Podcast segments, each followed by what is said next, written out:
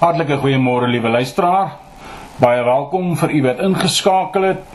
En ons gaan vanmôre verder met daar is goue reëls en dit is die deel 1 van die vorige reeks waarmee ons begin het. Daar is reëls vir of van die koninkryk van God. Nou ons gaan aan met daar daar is goue reëls en kom ons bid gou saam. Vader, Dankie dat ons vanmôre na U toe kan kom en Here ons U naam net weer kan grootmaak, kan eer en kan aanbid want Here U was vir ons goed. U het vir ons gelei en U het vir ons gedra. U genade is vir ons so groot. Here, ontelbaar is U seëninge oor ons elke liewe dag. Elke liewe dag van die lewe, elke liewe dag van elke minuut is U met ons dra U vir ons deur. Maak U vir ons paaie en baan U vir ons weë en Here daarom kan ons U naam eer en groot maak. Dankie o Heilige Gees dat ons ook in hierdie môre vir U kan vra dat U hierdie boodskap sal dryf in elke hart. Dat dit sal ontkiem en Vader dat U dit deur U Gees na elke hart toe sal indring. Here dat dit sal vrugbaarheid vind om te groei en Here dat dit werklik waar saad sal wees wat sal ontkiem en sal opgroei sodat die mense kan sien dat die Here leef in en deur hulle wat hierdie woord geneem het en daarmee gewoeker het. Here ons dankie dat ons vanmôre kan bid vir hulle wat in hierdie môre dalk in probleme vasgevang sit. Here ons bid dat U die uitkoms sal gee oor en deur hulle sake. Here dat U hulle wat treur vanmôre sal vashou en dat U hulle sal vertroos want Here ons weet en ken U as die vertrooster van die wat rou en treur. Dankie dat ons kan bid vir hulle wat siek is vanmôre. Here dat U by elke siekbed by elke persoon persoon sal stil staan en dat U U hand van genade en genesing sal uitstrek en dat U elke liggaam sal aanraak want Here u woord sê u het nooit by die siekes verbygeloop nie. U het almal altyd gesond gemaak. En ons dank u Here dat ons weet u kan en sal nooit verander nie. Daarom bid ons vanmôre Here help my met hierdie boodskap. Here dat dit wat ons hieroor gaan 'n paar oomblikke gesels. Here dat dit sal vrugte afgee in Jesus naam. Ons dank U daarvoor. In Jesus se wonderlike naam want Here daar is geen ander naam gegee onder die hemel waar ons waardeur ons gered kan word nie. Amen.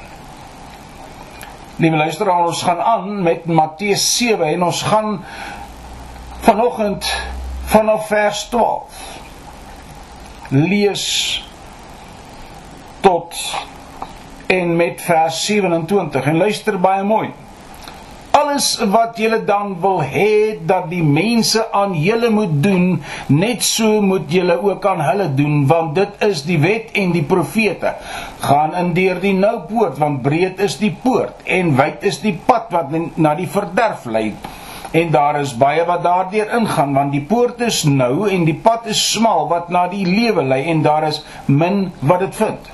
Maar pas op vir die valse profete wat in skaapsklere na julle kom en van binne roofsugtige wolwe is aan hulle vrugte sal julle hulle ken 'n mens pluk tog nie druiwe van dorings of vye van dussels nie.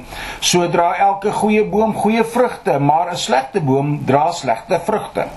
'n Goeie boom kan geen slegte vrugte dra nie en 'n slegte boom kan ook nie goeie vrugte dra nie. Elke goeie boom wat nie goeie vrugte dra nie, word uitgekap en in die vuur gegooi. So sal julle hulle dan aan hulle vrugte ken. Nie elkeen wat vir my Here, Here sê, sal ingaan in die koninkryk van die hemele nie, maar hy wat die wil van doen van my Vader wat in die hemele is. Baie sal in daardie dag vir my sê: Here, Here, het ons nie in U naam geprofeteer en in U naam duiwels uitgedrywe en in U naam baie kragte gedoen nie? En ek sal aan hulle sê, ek het julle nooit geken nie, gaan weg van my, julle wat ongeregtigheid werk. Dan Matteus 7 vers 24 sê die volgende: elkeen dan wat na hierdie woorde van my luister en dit doen, hom sal ek vergelyk met 'n verstandige man wat sy huis op die rots bou.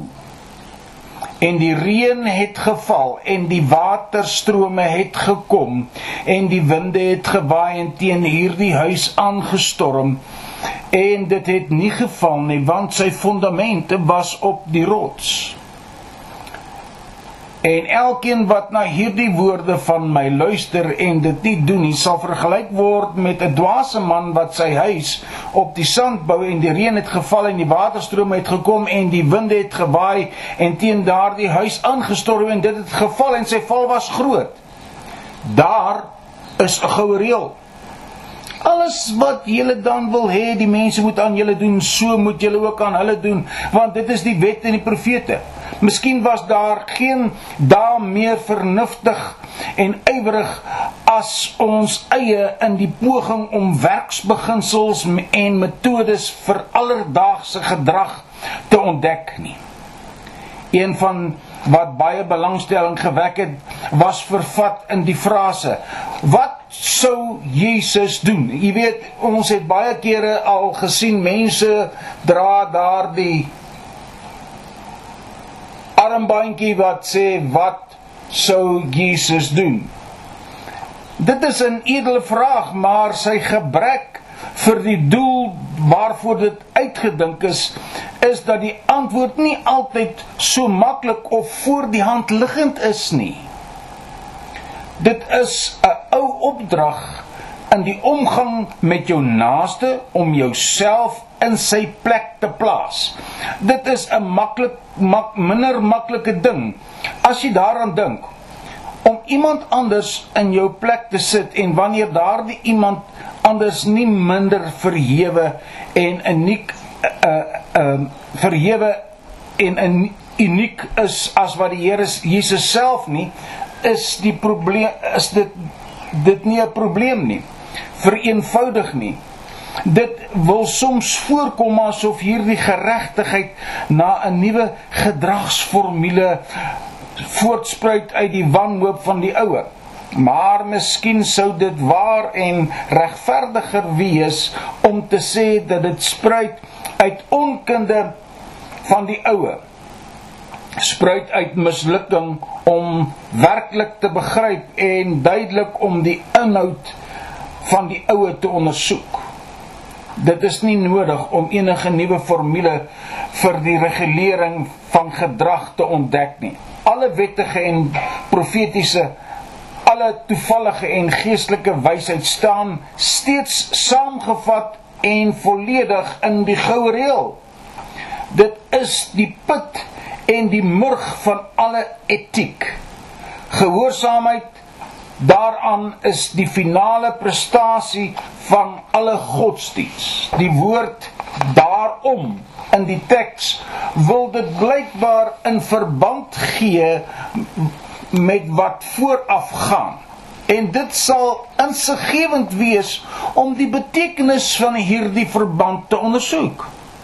As ons nou na die konteks kyk, sal ons vind dat die Here by die 7de vers van die hoofstuk 'n nuwe inleiding van sy preek begin waarvan die teks die gevolgtrekking is. Hy praat van gebed en hy sê: "Vra en vir jou sal gegee word.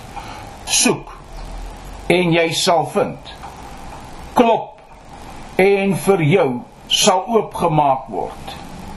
Alles is werkwoorde vra. Soek. Klop.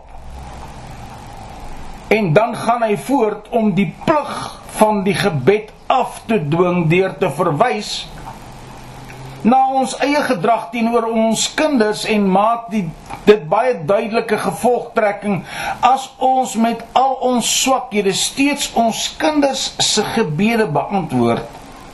Veel meer ons hemelse Vader goeie dinge sal gee aan diegene wat hom vra tot op hierdie punt is alles duidelik en maklik maar volg dan klaarwyklik iets wat skielik die woorde van die teks alles dan wat julle wil hê dat jy die mense aan julle moet doen so moet julle ook aan hulle doen. Dit is die wet en die profete dit hang hoe hang hierdie woorde aan die voorafgaande deel van die diskurs?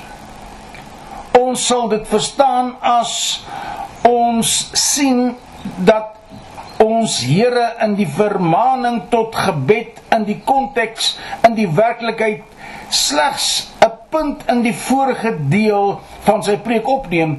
Dit is in die voorafgaande hoofstuk dat hy vir die eerste keer die onderwerp van gebed inlei. En daarin gee hy nie net aan aanwysings rakende die gebed in uh, in die algemeen nie, maar hy spreek daardie spesifieke vorm van gebed uit wat sedertdien deur sy disippels gebruik is, bekend as die onsse Vader. As ons nou na hierdie gebed kyk, dan en dan die klousule waarvan die teks die laaste vers vorm as 'n herhaling van dieselfde onderwerp beskou, sal ons kan verstaan waarom Christus sy goue reël begin met 'n daarom. En so gemaak dit om te hang aan wat hy reeds gesê het. Want ons Here leer ons in sy gebed om ons eie gedrag teenoor ons broers die maatstaf te maak van die genade wat ons dit waag om van God te vra. Vergeef ons ons oortredinge soos ons ook die oortree wat teen ons. Vergewe ons so en net so En aangesien dit die grond is waarop ons om vergifnis van sondes vra, is dit nie baie verwonder daaroor dat hy ons ook so geleer het om te bid. Ons ook moet leer om versigtig te wees nie. Dat ons eie gedrag ons nie sou veroordeel en verhoed dat ons eie gebede verhoor word nie. Om die waarheid te sê, as ons tot God bid om ons om met ons te handel soos ons met ander handel is dit noodsaak is dit 'n noodsaaklike waarskuwing dat ons geleer moet word om met ons naaste om te gaan soos ons wil hê hulle moet met ons omgaan. Die beginsel wat hier uiteengesit word is fundamenteel wat die hele struktuur van die menslike samewerking samelewing skies onder lê. Dit is billik want alle mense is meer byna op 'n gelykheid as wat dit afgelei kan word in oorweging van hulle uiterlike omstandighede. Dit is draagbaar soos die 2 voet reël wat die ambagsman in sy sak dra vir die meting van enige werk wat hy geroep mag word om te skat. Die keiser Servus was so bekoor deur die voortreffelikheid van hierdie reël dat hy 'n uitroeper beveel het om dit te herhaal wanneer hy ook al geleentheid gehad het om enige persoon te straf, het hy op die mees noemenswaardige dele van die paleis en op baie van die paleis laat inskryf openbare geboue. En dan kan ons kyk.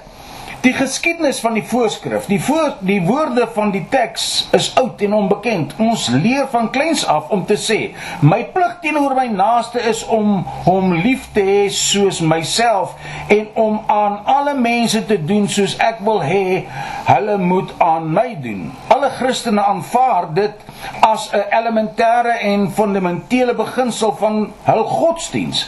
Maar nie net is hierdie woorde vir die nuut vir ons self in hierdie eeu van Christendom nie. Hulle was geensins heeltemal nuut vir die wêreld toe ons hulle, ons Here hulle gespreek het nie. Parallelle daarmee kan gevind word by die heidense filosowe in in die heilige boeke van ander godsdienste. Die stellig kan met reg as 'n menslike universele beskou word eerder as 'n spesifiek Christelike een. Christus het nie nie net alleen die voorskrif vir enige oorspronklikheid geëis nie, maar hy het dit uitdruklik ontken. Hy het dit as bekragtiging van die reël dat dit die wet van die en die profete was. Dit wil sê dat al die voorskrifte wat van ouds af gegee is aangaande ons optrede teenoor mekaar kortliks in hierdie een woord vas uh, verstaan is dat ons aan alle mense moet doen soos ons wil hê dat hulle aan onsself moet doen. Die Here het dit gegee as 'n sleutel tot die geheel en wil hê dat ons moet verstaan dat ons as eenmaal hierdie groot beginsel bemeester en dit werklik beginsel van ons gedrag maak, alle besonderde pligte maklik sal wees en as van selfsprekend uit uitgevoer. En so verteenwoordig Sint Paulus die saak as hy sê hy wat 'n ander liefhet het die wet vervul Hiervoor mag jy nie egbreek pleeg nie. Jy mag nie doodslaan nie, jy mag nie steel nie, jy mag geen valse getuienis gee nie. Jy mag nie begeer nie en as daar enige ander gebod is, word dit kortliks in hierdie gesegde verstaan, naamlik jy moet jou naaste lief hê soos jouself. Die liefde doen dien sy naaste geen kwaad nie. Daarom is die liefde die vervulling van die wet. Wat Christus dus gedoen het was om die verspreide pligte onder een algemene hoof bymekaar te bring en 'n beginsel te verskaf wat op hulle almal van toepassing moet wees. In Confucius het hierdie goddelike instink van die siel in die geskiedenis begin uitbreek. Hy het gesê jy mag nie aan 'n ander doen wat jy nie wil hê dat hulle aan jou moet doen nie. Dit was slegs 'n refrein dit was 'n reël wat vir ons gesê het wat om te vermy. Die ou groot Plato het verder gegaan en gesê in 'n soort gebed in die 11de boek van uh die dialogues mag ek wat gesond is aan 'n ander doen soos wat ek wil hê hulle moet aan my doen. Is in daar is ook 'n heidense ondersoeker, so loop die Talmudiese verhaal, het eendag na die groot Shammai gekom en geëis dat hy die wet geleer moet word verkort tot 'n vonnis terwyl hy op een voet gestaan het. In woede het die rabbi hom met sy staf geslaan en weggedraai en Die vraesteller het na Hillel gegaan en Hillel het geantwoord: Alles wat jy wil hê dat die mense nie aan jou moet doen nie, dit moet jy nie aan hulle doen nie. Daarom daarin is al ons reg opgesom. En die vreemdeling het dadelik 'n proseliet geword. Die beste van die skrifgeleerdes het nie verseker verder gegaan as hierdie negatiewe goedheid in hulle benaderings tot die leer van ons Here nie. Hy leer dat liefde nie tevrede kan wees met 'n koue ont, onthouding van kwaad doen nie. aktiewe energieke welwillendheid is die enigste ware uitkoms van 'n karakter wat toegegee het aan en gevorm is deur die goddelike oor uh, oor oorvloed. Frigid die negatiewe bevreding wat nog net die evangelie was. Ons Here het ander mense se negatiewe in God se positiewe vertaal. Tot dusver was die goue reël onder mans in 'n in die blote negatiewe vorm. Wat jy vir jouself haatlik is, moet jy nie aan jou naaste doen nie. Dit wil sê as jy jou onthou van sekere grove ongeregtighede en ongeregtighede, het jy die hele wet vervul. Dit is nie so 'n gesegde dat dit as 'n filantropie en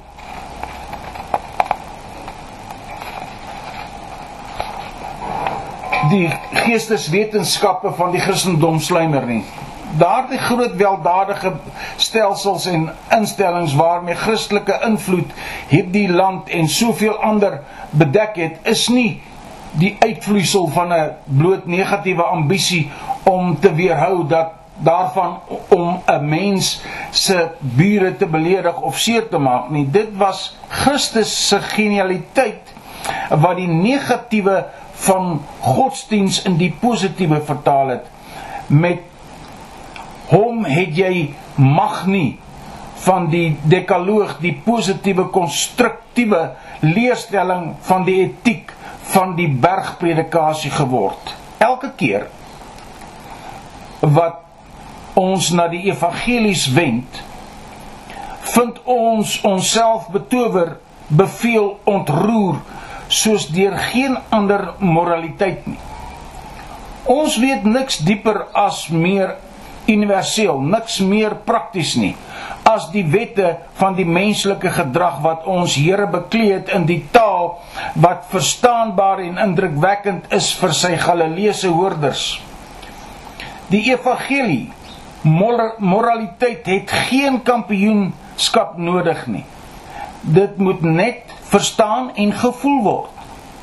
Dit het baie wat duidelik hoër is as wat menslike wysheid wat nie deur die evangelie verlig is nie ooit voorgestel het.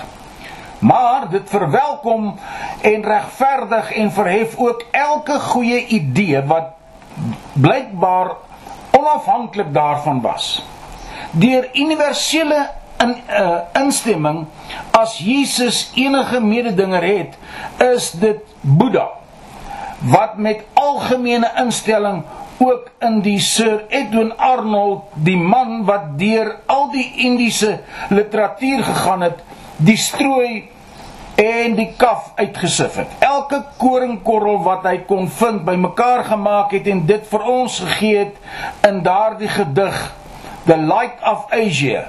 Toe 'n paar jaar later het Sir Edwin sy Nuwe Testament heropen en na 'n jaar The Light of the World gepubliseer. En kyk, die disipel van Boeddha keer sy oordeel om met poëtiese uh, lisensie verteenwoordig Sir, Ed, uh, Sir Edwin Arnold die wyse van manne van die ooste as boeddiste wat hulle goud en wierook en offergawes aan die Baba koning gebring het en hulle verlaat het en teruggereis het na Ganges toe toe twee telling jare verby was het een van die wyse manne wat nog gelewe het sy voetstappe teruggetrek, gefassineer deur die herinnering aan die wonderlike kind.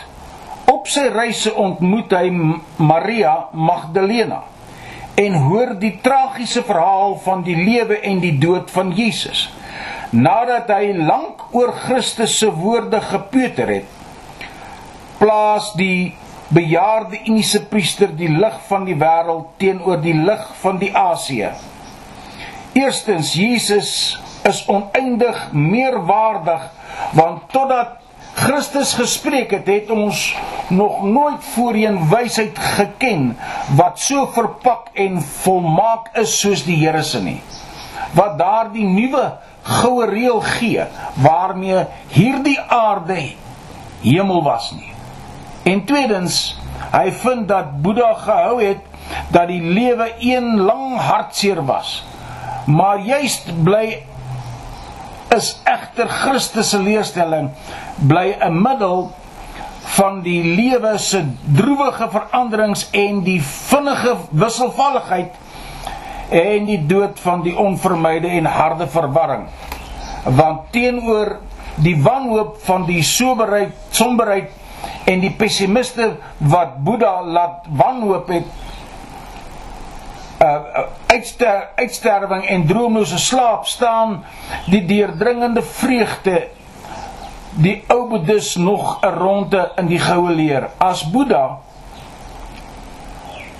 die vreugde van Jesus ontdek het en derdens vou jou leraar ons om in heerlike voue met magtige naam van liefde en beveel ons om te glo. Nie wet nie nie geloof net gevorm wat ons is. En die wêreld die wêreldige ge, gebou maar lewende oorheersing van liefde want die woede van die onbenutte natuurwette en die wreedheid van die noodlot gee pad voor die vooruitstrewende voetspoor van 'n Vader van liefde en lewe dan kom die priester se finale belydenis. My onderwyser het ons beveel om oor dooie pligte te soeg en uit te broei bo doodgemaakte gemeenthede nadat ons totdat ons nirvana bereik het. Joune om jou naaste lief te hê soos jouself en sy siel te red deur dit te verloor met die nodige sorg dat al sy dade baat en die bedroefdes help om te hoop, die verswaktes om te staan. En dan skryf hy hierdie gediggie: O nader pad en nuut van harte om te sien, hemel naaste op hierdie aarde waarop ons loop. God duidelik in die broer by wie ons verbygaan beste eensaamhede te midde van ons besige menigtes. Passie ontstaan wanneer die meester passie ontspring om te dien en lief te hê en te help. Die omvang daarvan. Die reël dek nie alle gedrag en alle opdragte nie.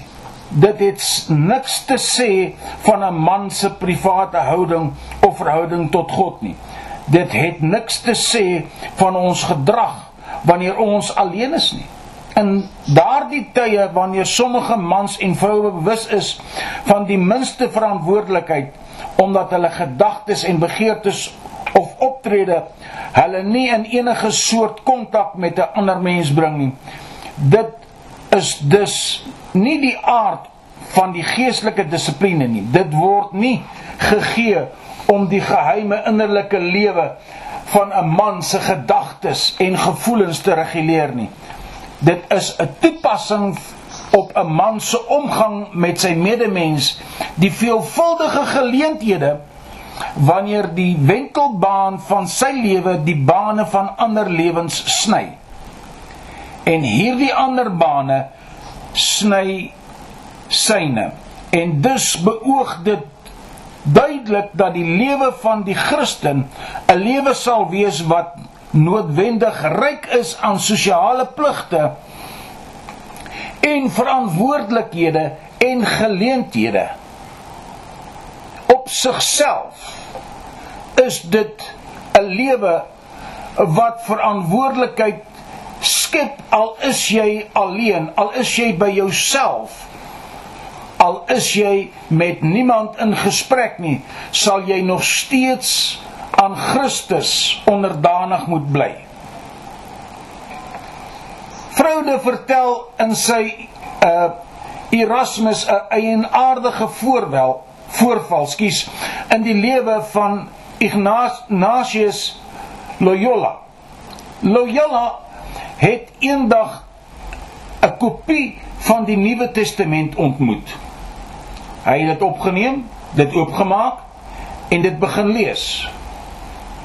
Maar na 'n kort rukkie het hy dit neergegooi want het hy gesê dit het sy toegewyde emosies gekontroleer. Vroude meen dit het heel waarskynlik dit gedoen. Hy het hier gevind dat 'n godsdiens geleer word waarvan die hoogste uitdrukking in absolute geregtigheid, waarheid en liefdadigheid was. As iemand homself as godsdienstige beskou en sy tong nie in toom kan hou nie, is dit nie regverdig, geregtig en eerbaar, openlik en barmhartig nie. Daardie man se godsdiens is ydel.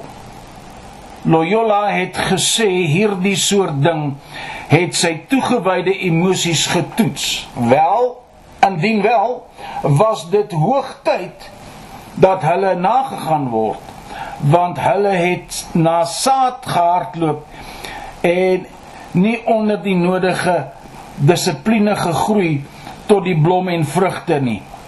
En in die godsdiens van Jesus is die etiese, die praktiese, die uiterste om die goue reël te onderhou is om die wet en die profete te vervul. Soos ander algemene voorskrifte sal dit nie verdra om slaafs in die brief opgeneem te word nie. Die waarde van 'n voorskrif is eerder om 'n humeur van gesindheid voor te stel as om presies te bepaal wat in 'n gegeewe geval gedoen behoort te word. Dit is 'n oppervlakkige en dus slegte moraliteit. Nie bloot gebrekkig nie, maar onheilsaam en misleidend wat poog om gedrag deur pres, uh, presiese regulasies voor te skryf. Die menslike lewe is vry en uiteenlopend om deur sulke metodes beheer te word. Jy mag sonder enige groot vernuf jou gevalle voorstel waarin dit onwenslik en verkeerd sou wees om letterlik ons Here se opdrag uit te voer. Alles wat jy ook al doen, al wil hê mense moet aan julle doen, so moet julle ook aan hulle doen. Miskien is dit die mees voor die hand liggende geval en vleiery. Daar is 10000de mense wat hulle mede medemens vlei omdat hulle daarvan hou om self dit te verwag.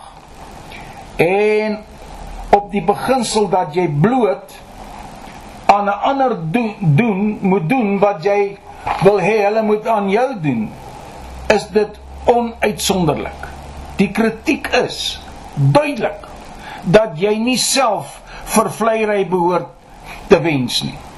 Met ander woorde, om die goue reël voldoende en waar te maak, moet ons een of ander waarborg hê dat dit wat ons aan ander van ander wil ontvang is wat ons behoort te doen aan ander en so te wens. Maar daar is baie moeiliker saak vir die toepassing van die goue reël as dit. Gestel dat jy in een of ander grove sonde verval het en 'n baie swaar straf opgelê het, wat kan ons aanneem jy sou wou hê dat die mense aan jou moet doen? in 99 gevalle uit 100 sou die antwoord wees laat my straf my my die straf kry moet ons dan voortgaan om aan om aan te neem dat dit jou plig is om alle straf hoe verdien dit ook al af te staan van wie jou gevoel dat jy jou sou wou dat dit jou kwyt geskeld word as jy in die oortreder se plek was. Die sosiale gewete het nie gesê nee, die Christelike gewete sê nee. Dit is nie 'n kwessie van wat jy toevallig kan wens as jy bloot 'n onverantwoordelike en godsdienstige onopgevoede wese was nie. Maar van wat jy sou wens as jy onderworpe was aan die gees en die dissipline van Christendom in hierdie laaste geval sou jy wens dat jou sonde gestraf moet word jou oortredings reggestel moet word en gevolglik sou jy nie 'n ander 'n onreg aandoen en dit barmhartigheid noem nie omdat jy swak genoeg was om dit vir jouself te begeer. Jy sien daar is dan ook 'n standaard van 'n plig in die goue reël. Die goue reël oortref alle formules van geregtigheid deur die saak van ons liefdevolle bewende en sensitiewe self te bring en te smeek dat dit verhoor word in die lig en geregtigheid van al hierdie lig van die selfliefde, selfvreugde en selfs selfangs. Ons weet hoe naby en hoe dierbaar 'n ding 'n mens se eie self is. Die oomblik wat ons wegstap van ons bewus en van ons bewussyn verloor ons ons verstandelike greep op die verskynsel van reg of verkeerd. Ons kan met vergelykende vrede na 'n lydende man, siek of gewonde kyk want ons kennis sal nie van ons bewussyn wegreis nie. Ons mag sê arme man, arme kind, ons kry jou jammer, maar ons is so afgesny van sy pyn dat daar 'n oneindige kloof lê tussen ons gevoelens en die van die leier se pyn. Maar hoe laat daardie pyn, daardie siekte, daardie sterwende tot self kom. En hoe vinnig meet die hart al die dieptes van hierdie nuwe smart. Daar is 'n berig wat een van die slagoffers van 'n Kubaanse bloedbad 'n miljoen dollar aangebied het as die barbare sy lewe sou spaar.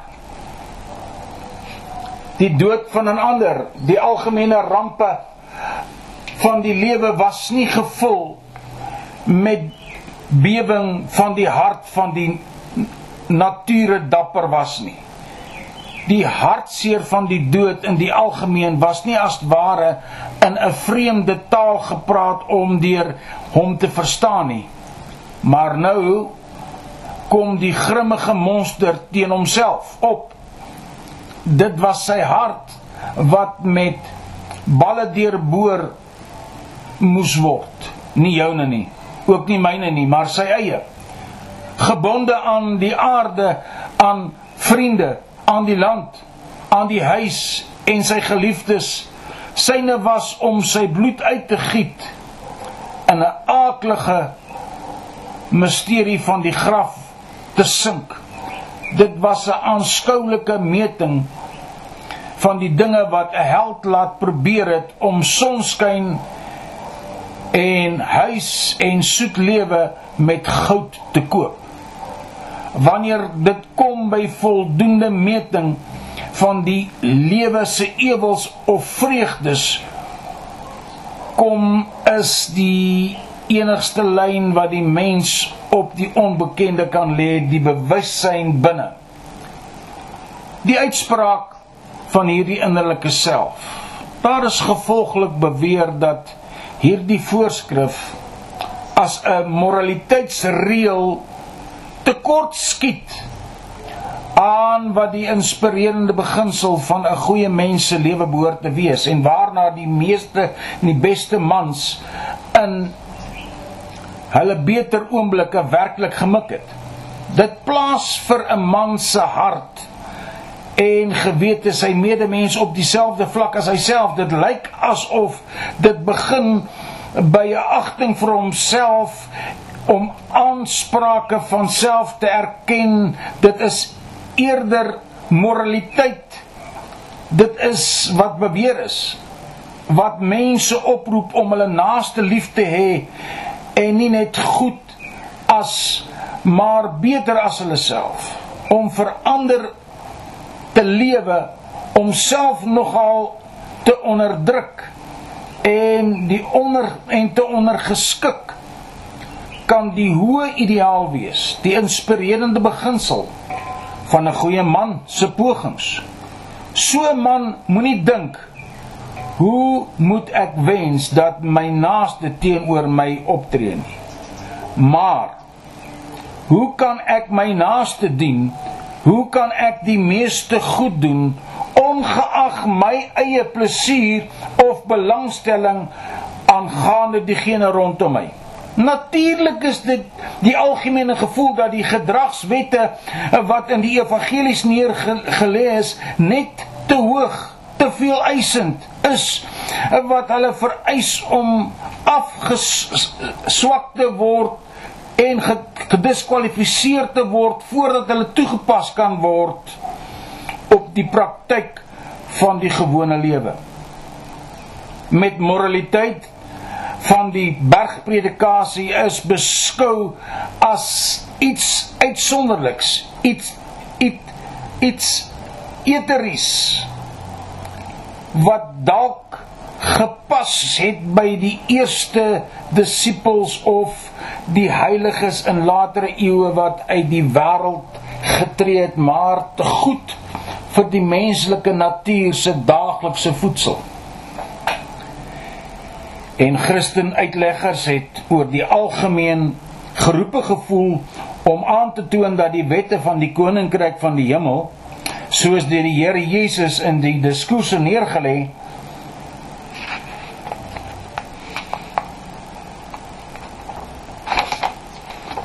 in wese so was waarop mense kan optree en moet optree. Alhoewel dit lyk asof hulle voorskryf 'n byna byna 'n romantiese of 'n chemiese onderdrukking van self of meerderwaardigheid teenoor die wêreld. Tog is dit moontlik om te argumenteer dat om my naaste lief te hê soos myself en om aan hom te doen soos ek wil hê hy moet aan my doen 'n reël is wat veronderstel is dat ek myself vir myself omgee en wat nie daarop gemik is om meer as my buurman op 'n gelyke vlak met my te plaas in skatting van sy aansprake op my. Die antwoord is dat die disipel van Jesus Christus nie net sy naaste moet lief hê soos homself nie, maar die Here sy God met sy hele hart en siel en verstand en krag. Hierdie laaste gebod, die eerste en die groot een, het baie te doen met 'n man se verhouding met sy medemens. Dit sou ons amper sê van self genoeg wees as die tweede nie en eksplisiteitshalwe daarby gevoeg word nie. Jy moet die Here, jou God lief hê met jou hele hart is die eerste en die groot gebod. Niks kom eerste voor nie. En niks kan voor dit kom nie. Niks kan sy plek inneem nie.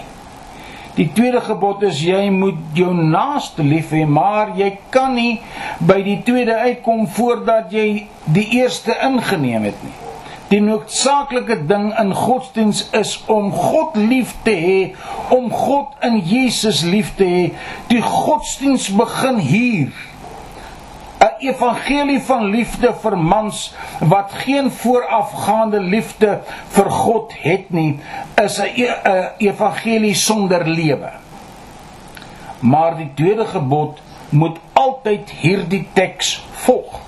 Albei is noodsaaklik vir die lewe, soos liefde vir die mens niks stel as daar nie liefde vir God is nie. So is liefde vir God as daar geen liefde vir die mens is nie. nie eg nie. Die fontein van godsdiens is altyd die liefde van God in ons. Da, maar as daardie fontein is die waterput wat in ons opspring, dan sal daar ook waterstrome wees wat uitvloei, riviere wat uitvloei om die land op te vrolik te verkoop en te seën. Terwyl ek my God die meeste liefhet, dink ek dat ek jou nooit meer veel meer kan lief hê nie. Ek het hom meer lief, so laat ek jou ook lief hê. Ja, soos ek dit verstaan, is liefde so. Ek kan jou nie lief hê as ek hom nie liefhet nie. Ek kan hom nie liefhet as ek jou nie liefhet nie. In die eerste plek merk ons op dat hierdie standaard ons plig oplê om reg te laat geskied aan ons naaste. Die begeerte na geregtigheid is so universeel dat ons dit 'n instink van die menslike natuur kan noem. Wat is geskiedenis? Soos ons dit in elke eeu vind, maar een lang reeks pogings om geregtigheid verkry te verkry. Hierdie pogings was van die sterkste en van alle dryfkragte vir vir morele, sosiale en politieke en godsdienstige vooruitgang. Vandag word ons dikwels vertel dat ons te midde van 'n sosiale beweging van byna wêreldwye omvang leef. En so word ook vertel dat die hoofoorsaak van hierdie beweging waarvan die krag die hooffaktor is sy momentum is is 'n passievolle begeerte na geregtigheid. Dit is waarskynlik waar, maar dit is ook waar dat blykbaar baie van diegene wat 'n leidende rol in die beweging neem geensins 'n duidelike idee het van 'n presiese aard van geregtigheid nie en dat hulle 'n nog minder duidelike opvatting het van die voorwaardes wat vervul moet word in en om dit te bekom. Die geskiedenis leer ons dat geregtigheid te dikwels blykbaar die regstelling beteken van enige onreg wat mense self mag ly deur een of ander onreg aan ander toe te pas. So word die objek verslaan deur die middele wat aangewend word om dit te bereik. Om geregtigheid te laat geskied, moet 'n mens bes, in besit wees van die gekweekte eienskappe van manlikheid, 'n goedhartige hart en 'n begeerte om goed te doen is 'n baie onvoldoende toerusting waarmee ons ons naaste se sake in ons eie hande kan neem. Ons benodig baie meer toerusting as hierdie om ons hom as ons hom wil behandel met geregtigheid wat hom toe kom, wat ons moet toe onthou is dat die teks 'n baie sterk kwalifikasie vereis, een wat ongetwyfeld deur Christus aangeneem word en een wat nie deur ons vergeet moet word nie. So moet dit gelees word. Alles dan wat julle wil hê dat die mense aan julle moet doen, as julle toegerus was met die volle kennis om in te sien en vaardigheid so volmaak as moontlik om te besluit wat die beste vir julle is, doen dit ook aan hulle. Want om jou in staat te stel om dit te doen is die doel en die doel van die hele verloop van die goddelike openbaring. Die een goddelike werk, die een geordende offer is om geregtigheid te doen en dit is die laaste wat ons ooit geneig is om te doen. Doen reg aan jou broer. Jy kan dit doen of jy hom liefhet of nie. Jy sal hom lief hê. Maar doen onreg aan hom want jy het hom nie lief nie. En jy wil hom haat. Toe Napoleon saam met sy metgeselle die styl besoedelde besoedeling van Sint Helena uitklim, het hulle 'n boer ontmoet wat met 'n bondel flikkers op sy kop die eide kamp het vir die boer beduie om op sy te stap. Maar Napoleon het sy offisier bestraf en uitgeroep: "Respekteer die las, respekteer die las." Dit was die sin van geregtigheid wat in hierdie woorde van die soldaat uitgespreek is, want Napoleon was self 'n boer sien en hy het aan 'n lasdraer hy moes aan 'n lasdraer doen wat hy 'n ander gevra het om aan hom te doen toe hy as kind sy bondel flikkers teen die bergkant afgedra het. Maar in die tweede plek moet die Christen nie die streep by geregtigheid trek nie. Hy moet barmhartigheid en verdraagsaamheid beoefen. God het ons bure gemaak van honderde en duisende in hierdie land. Die armes, die vernederders, die onaantreklikes, die krepeles, die gestremdes, die siekes, die swak, verswaktes, die kinderleiers, volwasse leiers lewens skielik gebroke oënskynlik bederf en per ongeluk verwoes. Lewens skielik bedreig deur interne wanorde helder lewens verwoes sterk lewens uitgeteer. Ons dink aan sommige vir wie die lewe skielik res het en homself in 'n veroordeelde sel ingeneem het. Met niks om na uit te sien nie behalwe om te sterf. Die groot leer van ongeneeslike wag. Sommige van die glim, glimlagte van 'n dapper afwagting, sommige met snikke van swakheid en wanhoop. Die onvermydelike uur, ja, God het hierdie ons bure gemaak. As ons in hulle plek was, as ons die veroordeeldes, die pyngetuisterdes, die krepeles, die siekes was. En hulle was vandag in ons plekke in gesondheid en hoop. Wat sou ons wens dat hierdie mense vir ons moet doen? Die vraag beantwoord homself.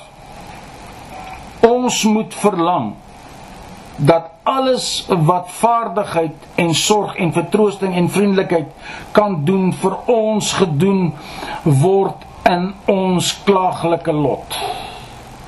As 'n man 'n losbandige lewe lei en die natuur begin hom of haar straf strawwe opeis en die fisieke raamwerk vernietig, handhaaf ons 'n 'n duur personeel van dokters en 'n duur stelsel van hospitale om tussen daardie man en die direkte gevolge van sy bose lewe te staan.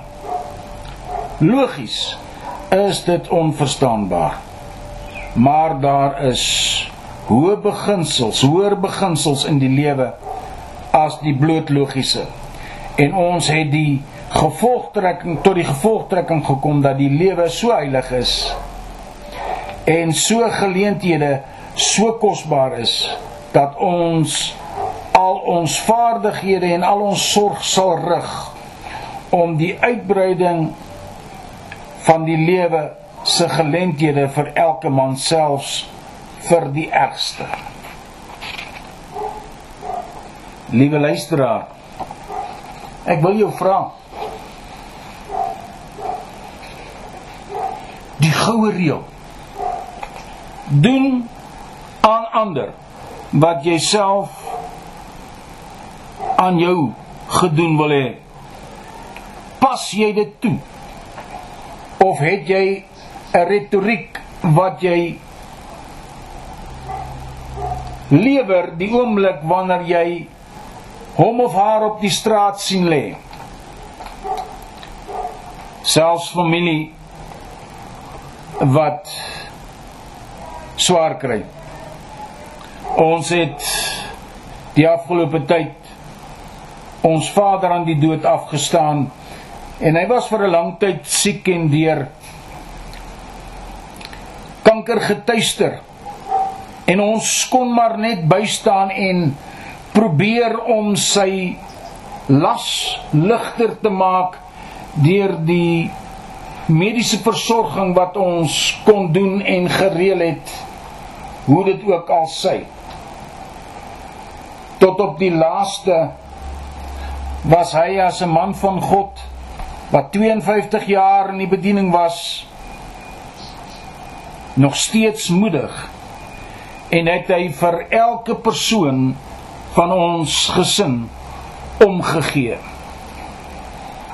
En toe ek hom die Sondag vra voordat hy oorlede is,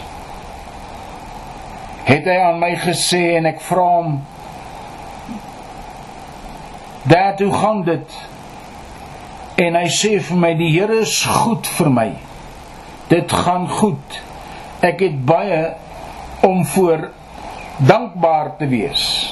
En ek het vir 'n oomblik gestaan en afkyk na hierdie man wat eens 'n baie groot en sterk en forse man was wat nou slegs na my mening en verskoon die die uitdrukking slegs 'n bossie bene was en ek het gedink hoe kan jy in die toestand is in die toestand waarin jy is nog steeds sê jy het baie om voor dankbaar te wees.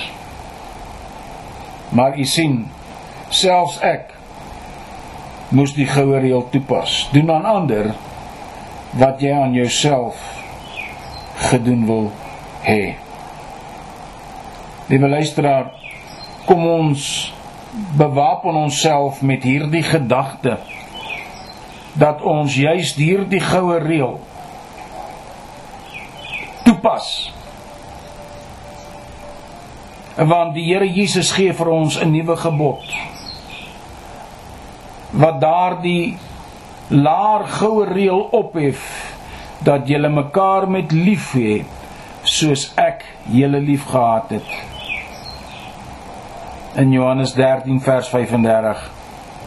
Die goue reël was bloot 'n beliggaaming van die absolute geregtigheid. Christus stel ons voor om die albaste fles van liefde onverdiend en onverdiend te breek vir ons nase soos ek jou liefgehad het. Watter woord is dit vir ons nie vandag nie. Kom ons bid saam. Vader, baie dankie dat ons in hierdie oggend U naam kan grootmaak en Here, net weer eens kan besef dat ons het niks om op te roem behalwe in die genade van ons Here Jesus nie. Here, help ons om ook hierdie goue reël toe te pas in ons lewens in hierdie week in hierdie tyd wat voorlê. En Here, dra ons deur want Here, ons alleen kan dit nie doen nie.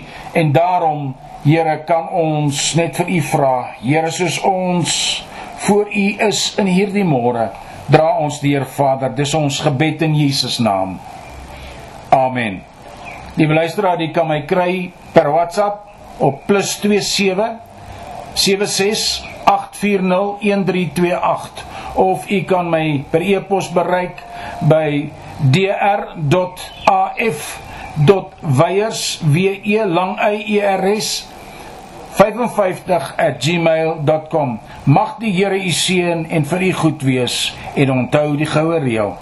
Amen.